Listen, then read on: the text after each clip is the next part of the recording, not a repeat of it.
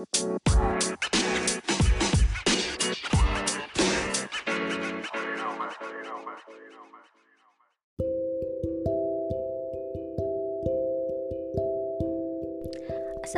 warahmatullahi wabarakatuh. Hai, saya Nina Nimo Dan sekarang kamu lagi ada di Shut Up Singkat rahasia untuk pendengar tersayang Bareng aku, Nina Nimo Yang akan menemani kamu di antara rindu pengganti temu Udah satu tahun nih COVID-19 singgah di negeri tercinta kita ini Indonesia Masih ingat gak sih dengan joke orang Indonesia tentang COVID yang satu ini? Corona itu gak bakal bisa masuk ke Indonesia kalau gak punya orang dalam Dulu kita sesantai itu ya, sambil melihat uh, berita tentang COVID-19, tentang corona yang masih ada di Wuhan, China. Masih jauh banget dan kita masih santai aja bilang corona bisa masuk Indonesia ah. Kalau nggak bisa nggak kalau nggak ada orang dalam itu pasti susah. Sampai akhirnya pemerintah mengumumkan bahwa ada dua warga negara Indonesia yang terpapar COVID-19. Saat itu ada ibu dan anak ya. Uh, kalau kamu lupa kalau kamu penasaran, boleh search lagi aja sama sendiri ya. Aku nggak akan ngasih tahu di sini. Nah, semenjak kasus yang merebak itulah laju penyebaran COVID-19 atau virus corona ini terus melambung di Indonesia. Sampai akhirnya Indonesia benar-benar berubah total. Karena pandemik ini banyak banget yang kehilangan pekerjaan, pengusaha gulung tikar, anak-anak gak bisa melaksanakan belajar di sekolah. Bahkan tingkat perceraian di beberapa daerah meningkat semenjak wabah ini menyebar. Dan korban yang meninggal karena terpapar virus COVID-19 ini juga gak kalah banyaknya sih dari yang memang pasien yang terpapar COVID sampai dari tim dokter atau tenaga kesehatan juga udah gak kehitung banyaknya udah banyak banget ya dan untuk malam ini aku nggak akan ngebahas eh, hal-hal uh, yang berat dulu. Nah, jadi untuk malam ini aku akan membahas atau aku akan memfokuskan tentang pembelajaran versi COVID-19 atau daring atau PJJ, pembelajaran jarak jauh. Yang ternyata sudah nggak kerasa, kita udah melampaui hampir satu tahun PJJ atau pembelajaran daring. Jadi untuk tema malam ini aku kasih tema di episode 4 Daring bikin darting mending makan darlung Yang belum tahu darlung itu dadar gulung Ini enak banget sih Oke, okay, uh, eh, malam ini udah ada salah satu narasumber di sini yang uh, aku pikir dia emang selalu darah tinggi ya kalau ngomongin daring. Yuk kita sapa sama-sama aja. Selamat malam. Malam, hai. Hmm. Halo kakak Evi, gimana kabarnya? Halo, alhamdulillah baik. Um, ini acara apa ya ini ya? ini acara gosip Cin. Oh, acara gibah lebih tepatnya ya. Oke, oke, oke. Ini gimana gimana gimana? Oke, gibah gibah online ya hari ini. Gibahnya agak elis sedikit sih untuk hari ini. So, uh, mau ngucapin selamat ulang tahun gak sih buat Corona? Udah satu tahun nih oh ya ampun aku lupa sama aku nggak di pengingat ya HP aku ya. Masya Allah udah anniversary aja nih corona ya ampun. Boleh deh aku ngucapin tapi boleh nggak sih doanya yang nggak nggak aku pengenin? Boleh nggak?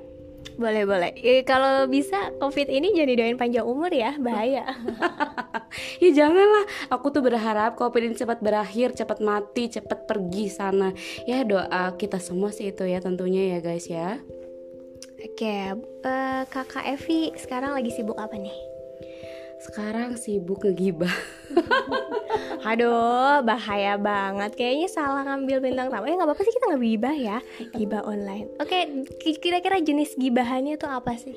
Nah, kita tuh gibahnya elit. Kita tuh gibahnya mengenai tentang uh, se seputar pendidikan di Indonesia ya.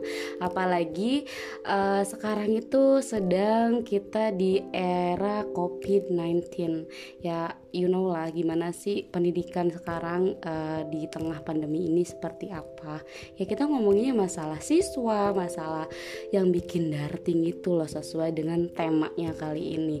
Daring bikin darting mending makan darlung sih ya tapi ini by the way darlungnya mana nih Oke, okay. eh darlung lagi dipesan dulu lagi amang-amang, oh. amang-amangnya lagi social distancing jadi jauh banget pesannya dari sini. Oke, kita sudah belajar daring selama satu tahun. Gimana rasanya? Rasanya campur aduk banget kak. Ya ampun, pokoknya nano-nano. Kalau darlung itu kan rasanya manis ya. Nah, tapi kalau misalkan daring, ini rasanya luar biasa. Manis, asam, pahit itu ada semua. Oke, jadi antara darlung dan daring ini sama-sama enak dan rasanya juga banyak banget ya. Uh, tapi tekanan tekanan darah aman? Lah itu dia. Ini ada uh, apa namanya? Ada tim medis nggak nih? Aku mau tensi dong, boleh nggak kak? mau cek ini ya tekanan darah ya dari yeah. semenjak uh, sebelum covid sama setelah covid. Oke, okay. aku hari ini mau membahas tentang pendidikan versi covid 19 Boleh? Boleh dong, silakan silakan. Oke, okay. uh, gini nih.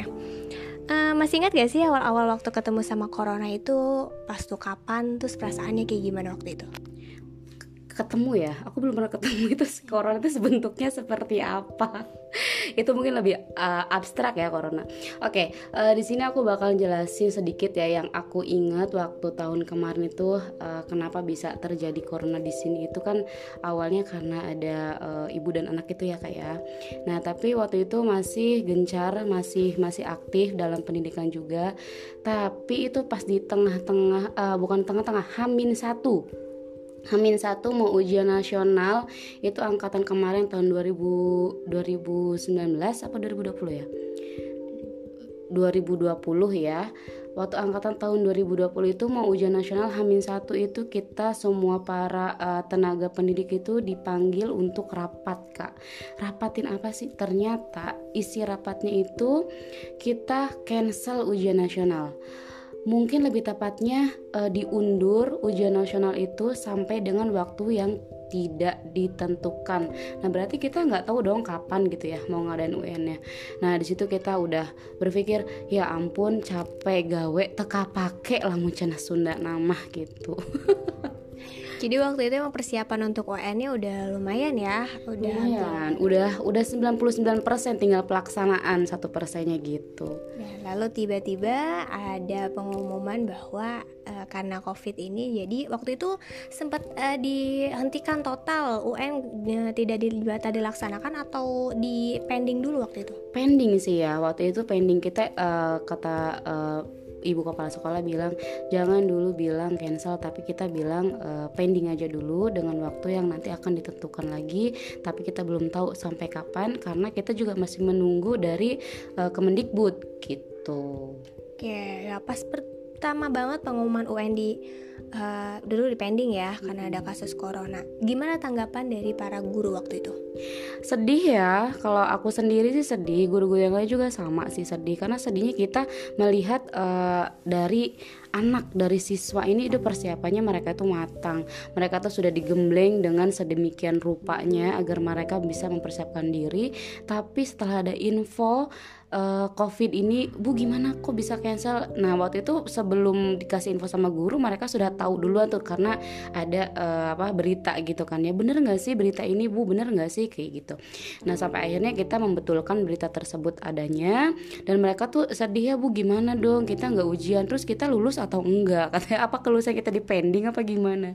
Ya sedih juga sih. Oke, jadi mereka juga bingung ya. Ini kalau nggak ada UN, kelulusannya kayak gimana? Gitu. Sedangkan biasanya kita kelulusan dari UN. Nah, waktu itu yang dilakukan sama sekolah apa? Oke, waktu itu sempat kita itu kan uh, pas uh, apa namanya pendidikan itu dipending dulu UN-nya. Jadi kita tuh sempat nggak ada kegiatan sama sekali waktu itu karena kita juga kan uh, harusnya WFH ya, working from home gitu. Jadi belum ada uh, kegiatan uh, apa namanya kegiatan inti di sekolah itu jadi yang ke sekolah itu hanya orang-orang penting di dalamnya aja yang masuk ke sekolah itu untuk uh, melangsungkan kegiatan yang nantinya akan dihadapi oleh siswa gitu kak. Oke, jadi emang langsung tiba-tiba ah uh, berubah gitu ya. Dan sekarang uh, hari ini tuh kita lagi sebenarnya lagi mengulas aja sih ya. Kita lagi mengulas, mengenang lagi ya, waktu itu karena kita sudah satu tahun covid, jadi uh, jadi cuma pengen mengulang aja gitu per awal-awal covid tuh ya mengenang masa-masa sama covid jadinya ya. Saat itu respon guru gimana?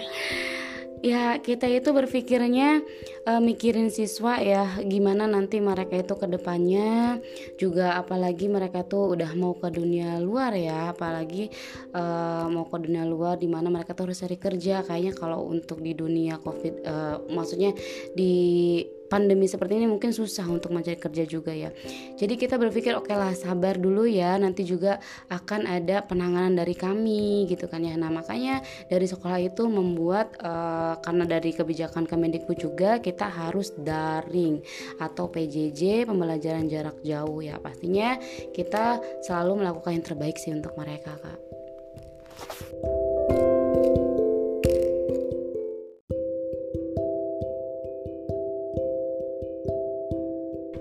Ketika diumumkan bahwa belajar atau bahwa tidak belajar di sekolah waktu itu ya, tapi belajar secara daring. Nah, sekolah melakukan perombakan apa aja sih?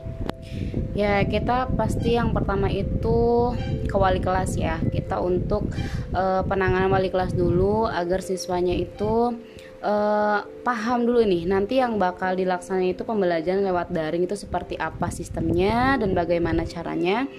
Nah jadi uh, kita itu membuat suatu grup dulu nih antar wali kelas dan setelah itu kita membuat grup antar uh, per kelasnya atau per jurusannya kak.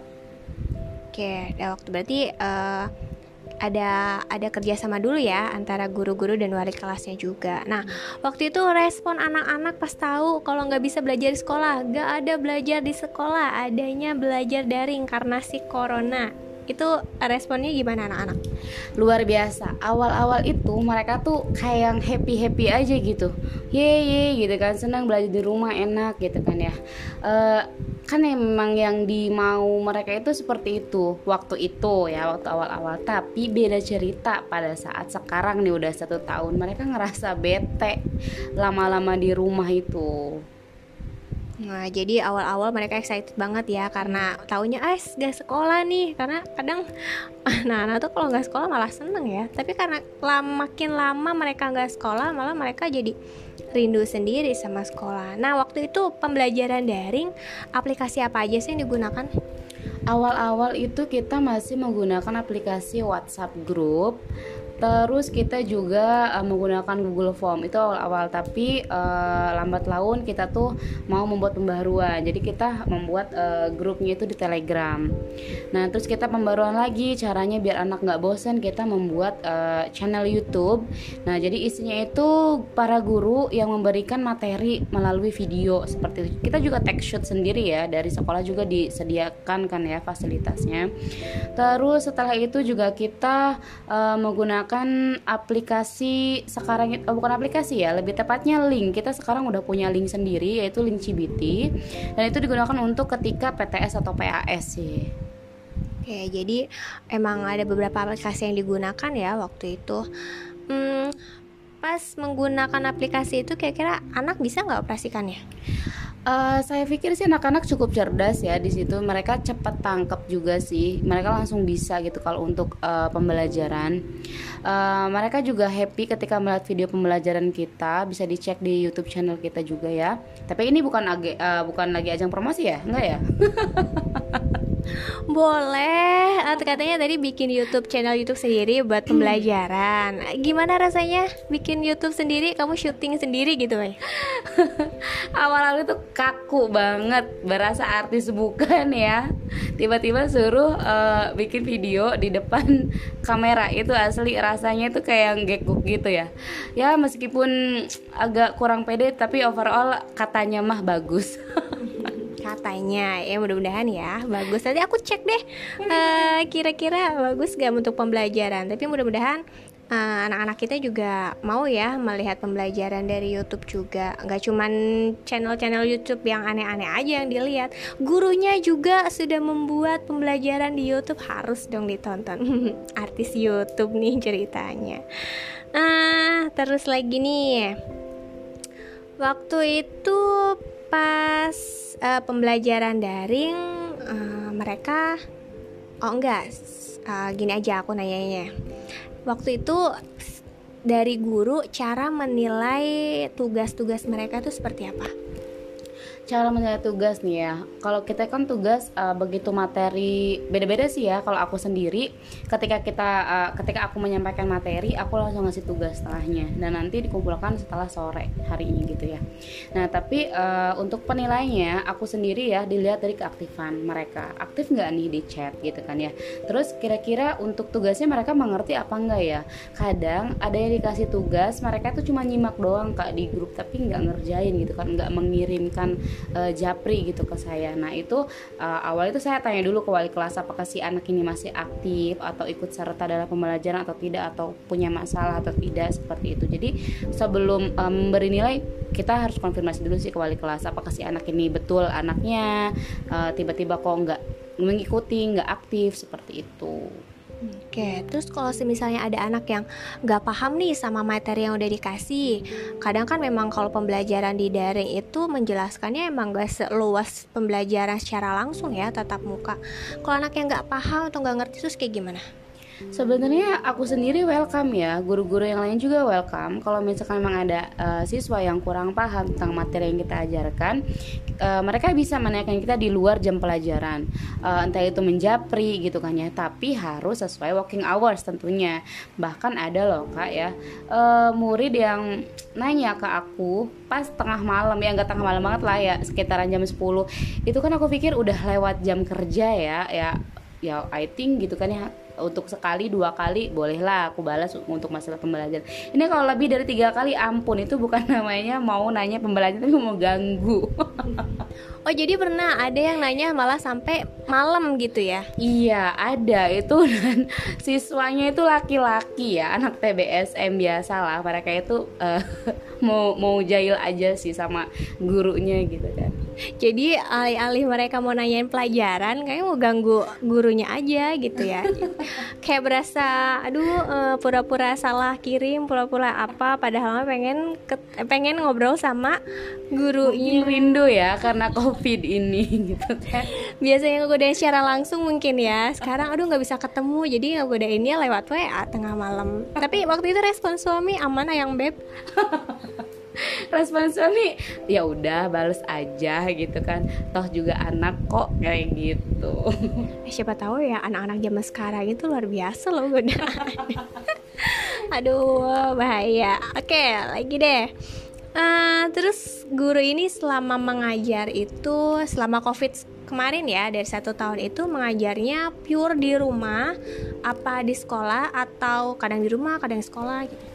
Oke untuk awal-awal itu kita malah tidak dibolehkan ke sekolah sama sekali ya karena kita WFH mungkin yang dibolehkan ke sekolah itu hanya orang-orang yang berkepentingan seperti TU kayak gitu ya atau Wakasek seperti itu. Nah uh, untuk guru-guru yang guru mapel itu nggak diwajibkan ke sekolah, jadi kita WFH.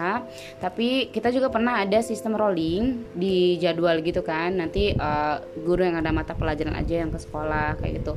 Nah kita juga kan kenapa harus ke sekolah? Kita juga kan ada administrasi yang harus kita isi seperti RPP, silabus ya dan semacamnya seperti itu. Tapi uh, tidak diwajibkan harus datang ke sekolah juga sih. Oke, jadi ada yang di rumah, ada yang sekolah, ada yang uh, terkadang tergantung ini ya, tergantung pekerjaannya juga. Nah, selama satu tahun ini daring, apakah selama pembelajaran dari ini dirasa efektif atau enggak gitu? Dirasa efektif atau enggak? Saya saya pikir kurang ya karena kenapa? Lebih efektifan itu tetap muka sih secara langsung. Kayaknya nggak ada yang bisa tergantikan tetap muka. Apa pun aplikasinya kayaknya uh, kurang efektif sih kak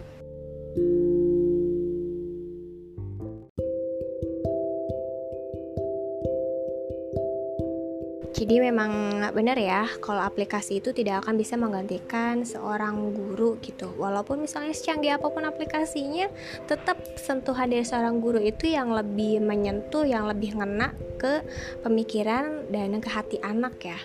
Dan selama ini apakah yang dirasakan sama kakak Evi itu anak-anak semakin pintar apa semakin bodoh gitu? Kalau semakin pintar semakin bodoh mungkin uh, kurang ini kurang enak didengar ya. Mungkin kalau misalkan pertanyaan lebih aktif atau lebih pasif mungkin aku uh, bakalan jawab lebih lebih pasif ya mereka itu. Jadi kurang pas kurang aktif gitu. Jadi mereka lebih pasifnya kenapa? Untuk pembelajaran mereka itu uh, jarang uh, responnya itu kurang. Kita malah nggak ada feedback uh, kalau untuk apa chat uh, chat di grup masalah pembelajaran. Tapi mereka tuh lebih aktifnya di game online kak. Itu yang jadi uh, apa namanya yang jadi ini banget sih buat kita. Jadi pekerjaan berat jadi PR buat kita para guru itu sendiri agar gimana sih caranya gitu ya guru itu tidak tergantikan oleh game online. Kita juga masih bingung untuk masalah itu kak Oke, jadi selama ini, selama pembelajaran ini justru anak malah jadi lebih pasif ya mm-hmm. dibandingkan lebih aktifnya gitu, karena memang gak kekontrol juga sama kita anak-anak adanya di rumah. Uh, terus Hmm, apakah selama ini peran guru bisa digantikan dengan aplikasi? Enggak ya, guru itu tetap guru itu tetap di hati. Aplikasi itu adanya di handphone dan bisa dihapus, bisa diinstal. Tapi guru, yang namanya guru itu aku pikir ya nggak akan tergantikan oleh siapa pun setelah orang tua. karena guru manusia yang punya feeling ya punya punya perasaan jadi dia bisa tahu mana letak uh, anak yang harus disentuh hatinya disentuh otaknya gitu dibandingkan aplikasi yang aplikasinya pasif banget kan kayak gitu ya. Oke nah udah satu tahun daring nih. Hmm, respon mereka sekarang kayak gimana mereka itu sekarang itu sering banget bilang bu kapan sih tatap muka? Bu kapan sih pakai seragam? Gitu kan ya. Dan iya ada cerita lucu kan nih. Jadi ketika ada uh, corona itu masuk di dunia pendidikan itu kita berhenti dulu ya kita daring dulu. Kan lagi ppdb itu pendaftaran siswa baru itu kan. Mereka itu uh, sampai udah beli seragam dan nggak dipakai satu tahun bayangin dong. Per tumbuhan anak itu kan cepat ya kak ya. Mungkin seragamnya sekarang udah pada kecil sampai ada orang tua juga bilang bu kapan sih? gitu kan. E, masuk sekolah ini seragam anak saya udah nggak kepake-pake katanya gitu. Udah beli baru-baru nggak dipakai percuma. Nanti keburu kecil Oh jadi saat itu uh, pendaftaran murid baru udah dikasih seragam dan karena emang nggak masuk jadi gak dipakai seragamnya. iya, jadi kasihan juga ya udah dibuat gitu kan ya udah dibeli tapi ya nggak dipakai gara-gara si corona ini gitu kan. karena di rumah makan tidur makan tidur jadi melar aja badan ya nggak keurus jadi seragamnya yang tadinya muat pas pertama kali fitting jadi makin uh, ya seragamnya makin kecil ya seragamnya makin kecil. Makin kecil orangnya makin besar. Kita nggak bilang orangnya makin besar seragamnya makin kecil iya. Oke okay, uh, eh, keluhan apa aja sih yang mereka lontarin ke guru gitu? Kayak curhat bu apa gitu selain yang tadi? Mereka itu lebih sering ngeluh uh, rindu katanya rindu berat sama para guru. Pengen bertemu malahan mereka juga pengen membuat kenangan. Bu sekarang mah gara-gara corona nggak ada kenang-kenangannya kata kayak gitu.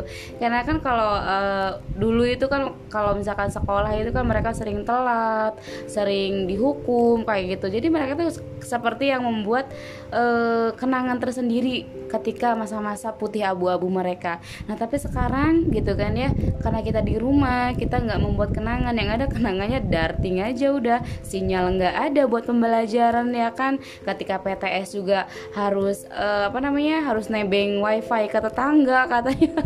Pokoknya darting aja darting ini buat para guru dan juga buat para murid sih sebetulnya jadi yang mereka keluhkan itu karena nggak ada kenangan sama sekali ya di sekolah selama satu tahun ini yang biasanya uh, di kelas gitu ngobrol sama temen belajar sama guru lalu tiba-tiba plang aja di rumah selama satu tahun. Jadi kayak lebih ke kenangan mereka gitu hak mereka itu hilang. Apalagi istilahnya sekolah SMA atau SMK itu kan cuman sekali seumur hidup ya dan ditambah kayak gini rasanya sedih juga sih apalagi yang buat kemarin lulus kayak berasa nggak ada kenang-kenangannya banget ya. Iya dan ada satu lagi nih mereka tuh mengeluhkan karena nggak ada uang bekal atau uang jajan dari dari orang tua buat ke sekolah. Karena kan dulu ya mereka tuh bisa uniko usaha nipu kolot ya kan beli beli apa juga mereka bisa gitu nah sekarang tuh mereka nggak dikasih uang jajan katanya karena ya memang buat apa? Kan di rumah Jadi satu lagi karena nggak dikasih uang jajan gitu keluhan terbesar sepertinya ya dari para siswa. Ya mereka biasanya jajan di kantin dapat uang dari orang tua. Sekarang mau minta juga dia di rumah mau di rumah aja nggak punya uang mungkin ya. Tapi selama ini kalau kayak pembelajaran daring itu kan butuh kuota. Nah kuota itu kuotanya itu biasanya dari mana? Ya kita selalu ngasih kak. Kuota itu tiap bulan kita itu dikasih ya mereka itu. Kecuali bagi siswa yang memang e, ganti nomor tanpa konfirmasi. Itu kan jadi kuotanya tuh sudah terkirim ke nomor yang terdahulu padahal dia dikasih. Tapi dia e, apa namanya ngabarinnya bu kena, mana kuotanya? Kok belum ada? Padahal sebetulnya udah kirim cuma karena dia konfirmasi nomornya baru gitu kan tanpa tanpa konfirmasi terlebih dahulu gitu jadi kalau kuota ada ya, ada anggaran untuk kuotanya. Jadi kalau mereka minta uang buat kuota ke orang tuanya, udah nggak bisa karena eh kuotanya juga kan dibayarin. Oke, udah nggak bisa nipu-nipu lagi ya, gengs. Oke, jadi selama ini mereka itu lebih senang daring apa belajar di sekolah? lebih tepatnya ya lebih senang belajar di sekolah mereka bisa dapat uang jajan juga uh, ketemu sama kita juga sering dan mereka juga bisa membuat kenangan untuk mereka sendiri gitu Oke jadi memang sekolah itu nggak ada duanya ya nggak bisa tergantikan sama aplikasi nggak bisa tergantikan sama pembelajaran online karena ya apa coba pembelajaran online kita aja nggak kepikiran sampai sana ya Nah, kalau di samping anak-anak yang tadi, bagaimana sih pengawasan guru terhadap anak dengan pembelajaran daring? Nah untuk pengawasannya kita lebih ekstra lagi nih kak, karena kan kita nggak uh, ketemu langsung ya, jadi kita tuh lewat uh, WhatsApp gitu. Kita uh, selalu kontekan intens sama orang tua mereka. Kadangkala orang tuanya yang di luar negeri pun jadi ikut serta uh, apa namanya mengawasi intens ya. Kita mengawasi juga secara daring juga sih, tapi kadang kita juga kan uh, luring ya, kita juga uh, berkunjung apa home visit gitu kan ke setiap rumah siswa yang memang uh, Eh, tidak ada kabar atau siswa yang bermasalah gitu kan ya. Uh, jadi kita sama-sama saling uh, mengawasi satu sama lain. Si orang tua sama guru juga harus kompak dalam hal ini. Oke jadi semuanya yang terlibat dalam pengawasan anak itu ya emang harus kerjasama ya. Apalagi sekarang uh, totalnya orang tua ya mungkin yang sekarang mengawasi itu. Iya jadi uh, mereka tuh harus totalitas sih sebetulnya mengawasi orang tua itu ya. Ya tapi sayangnya itu untuk uh, di era pandemi ini mereka tuh berpikir sekolah itu libur. Itu sih yang sangat uh, disayangkannya itu. Kadang ada orang tua yang mengerti kadang juga ada orang ya ada orang tua yang kurang mengerti ya bahwa sekarang itu sebenarnya nggak libur sebetulnya daring. Nah kadang kalau orang tuanya yang kurang mengerti tentang daring itu malah anaknya itu disuruh kerja kak. Disuruh bantu-bantu cari uang atau bantu-bantu beres-beres di rumah kayak gitu. padahal kita tuh di jam 7 sampai dengan jam 2 itu kita harusnya ya standby di handphone atau laptop mereka masing-masing gitu di rumah untuk mengikuti daring Eh, jadi banyak orang tua yang beranggapan bahwa sekolah itu libur ya. Hmm. Jadi mereka ya daripada anaknya luntang lantung di sekolah enggak, main iya, main aja iya gitu. Jadi mungkin ada beberapa orang tua daripada kamu main di rumah aja, udah mending nyari uang aja gitu. Ngebantu orang tua juga kan daripada nggak belajar. Itu sih ya memang yang agak dilema di kita juga gitu karena keadaan ekonomi juga apalagi lagi covid kayak gini. Oke. Okay.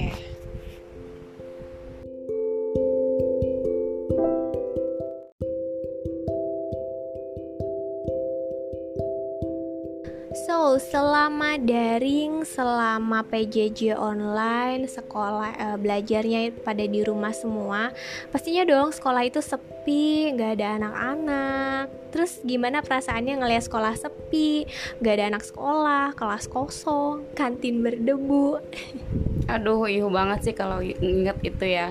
Lihat kantin berdebu itu luar biasa. Itu kenangannya tuh uh dulu tuh makan di sini nih sama si A sama si B gitu kan ya. Nah, kangen nih gitu kan Rido nih. Apalagi si A si B tuh sekarang tuh jarang ada misalkan ya. Jarang kontak kan juga. Apanya anak nggak punya HP gitu ya. Apa aku beliin aja gitu ya kak beliin HP gitu buat anak-anak maksudnya. Iya. Kayak banget gue. Nah jadi kadang tuh ya ada uh, anak itu kan mirisnya itu ketika daring ini tuh kasihannya tuh mereka tuh ada yang nggak punya HP nih kayak mereka bingung mau uh, mengikuti pembelajaran itu seperti apa gitu kan. Padahal sama sekolah juga sudah difasilitasi boleh meminjamkan laptop untuk pembelajaran. Tapi kadang siswanya juga kan beda-beda kayak ada yang malu untuk datang ke sekolah gitu kan ya. Dan bagaimana uh, berbagai macam alasan gitu kan ya. Nah, pernah suatu ketika aku tuh ke rumah untuk melepas kangen ke rumah salah satu siswa gitu kan ya. Karena ketika tatap muka tuh mereka dia tuh aktif gitu kan. Tapi kenapa pas daring dia nggak ternyata nggak punya HP gitu kan. Itu aku merasa sedih. Aku iba, aku mau beliin HP aja gitu kan ya. Tapi akunya ya you know lah honorer. oh, jadi ada anak yang memang uh, tadinya aktif di sekolah tiba-tiba pas PJJ nggak aktif karena memang mereka uh, dia tidak punya HP dan gurunya mau beli beliin HP tapi ternyata gurunya jauh lebih mengibakan gitu ya kurang lebih seperti itu. Kok curhat ya. Ya ya penting niatnya ya, ya tapi setelah ini uh, amplopnya lumayan ya. Ini di diundang di sini. Ya dibayar kok tenang aja. Aku bayar dengan keikhlasan nanti ya. Kalau aku udah kaya aja kalau podcastnya udah besar aja kayak Om Deddy gitu ya. Oke oke sih ya nanti undang lagi ya. Oh kalau aku udah jadi kaya dan podcastnya udah terkenal sih kayaknya enggak deh ya mohon maaf. Lanjut lanjut lanjut lanjut oke okay, halu banget kita hmm. Nah, eh, keadaan fisik anak versi PJJ itu ada perubahan gak sih? Banyak banget. Apalagi nih ya, mereka itu aneh-aneh deh aku pikir ya karena aku kan guru bahasa Inggris aku pikir mereka habis ke Belanda gitu pas datang ke sekolah. Karena kenapa? Karena rambutnya itu pada merah-merah. Oke mungkin mode sekarang karena harus rambut merah gitu. Apa gimana sih? Rambut kamu merah nggak? Oh iya mungkin karena mereka kelamaan di luar negeri kali ya jadi rambutnya berubah-berubah gitu jadi merah. Tapi muka masih bule bule potan apa gimana? Muka muka alhamdulillah ya mereka tuh glowing ala ala uh, matahari ya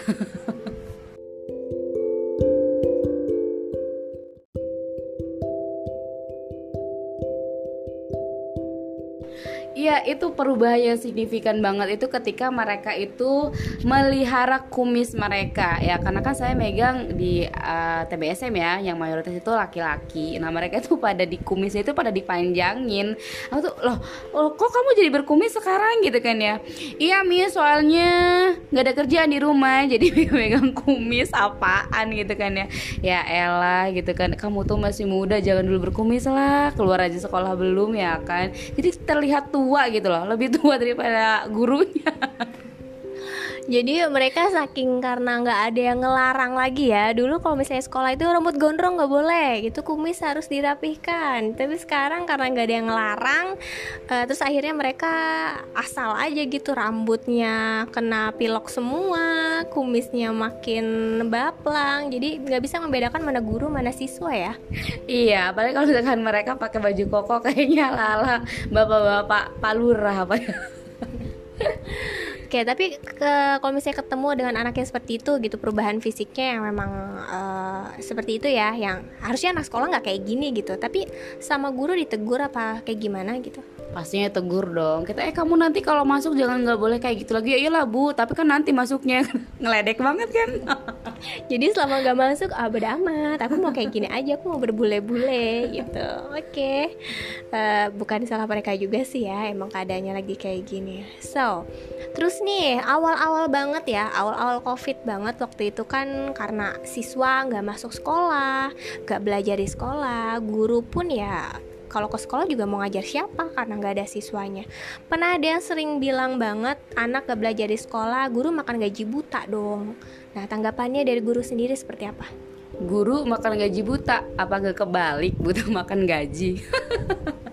Nggak ada nggak ada istilah kayak gitu sebetulnya ya. Kalau misalkan uh, ada yang kayak gitu tanggapan aku sih ya uh, cukup oke okay, ayo bu ke sekolah yuk kita ngobrol gitu aja sih lah diajak ngopi aja ya. Ngopi bareng. Kita ngopi bareng ya ngopi santuy sama kepala sekolah langsung. Jadi nanti kayak Mirna Solihin dong eh. Kita kasih sianida gitu ya. Kalau ada yang ngojek kopi bareng jadi gue berasa khawatir ya. Oke okay, next. Pertanyaan terakhir. Jadi mending daring apa makan darlung Of course makan darlung dong. BTW ini udah sampai akhir darlungnya belum datang ya, Amangnya. Oke, uh, dari tadi ngomongin Darlung aja ya dari tadi. Uh, padahal dia sebenarnya bos empe-empe loh. Oh iya mau sekalian promosi. Siapa tahu ya. Oke, nanti Darlungnya habis ini deh. Uh, sekalian nanti kita malam mingguan ya. Tunggu malam minggu. So, next pesannya pesan untuk para guru yang sedang melaksanakan pembelajaran daring dan juga untuk para siswa yang juga sedang daring nih pesannya apa? Pesan aku untuk para guru se-Indonesia tetap semangat dalam memberantasi kebodohan dan untuk siswanya juga harus keep spirit untuk uh, mencapai impian kamu gitulah untuk membuat hidup kamu lebih baik karena kita itu tidak lebih baik tanpa ilmu. Jadi apa-apa itu harus dengan ilmu ya. Oke, itu tadi pesan yang sangat-sangat sangat-sangat luar biasa ya dari Kakak Evi. Oke, Kakak Evi, terima kasih udah datang uh, malam ini di podcast aku di Chat Us. Maaf ya kalau ganggu waktunya, tapi sebenarnya seneng banget kan diundang sama aku.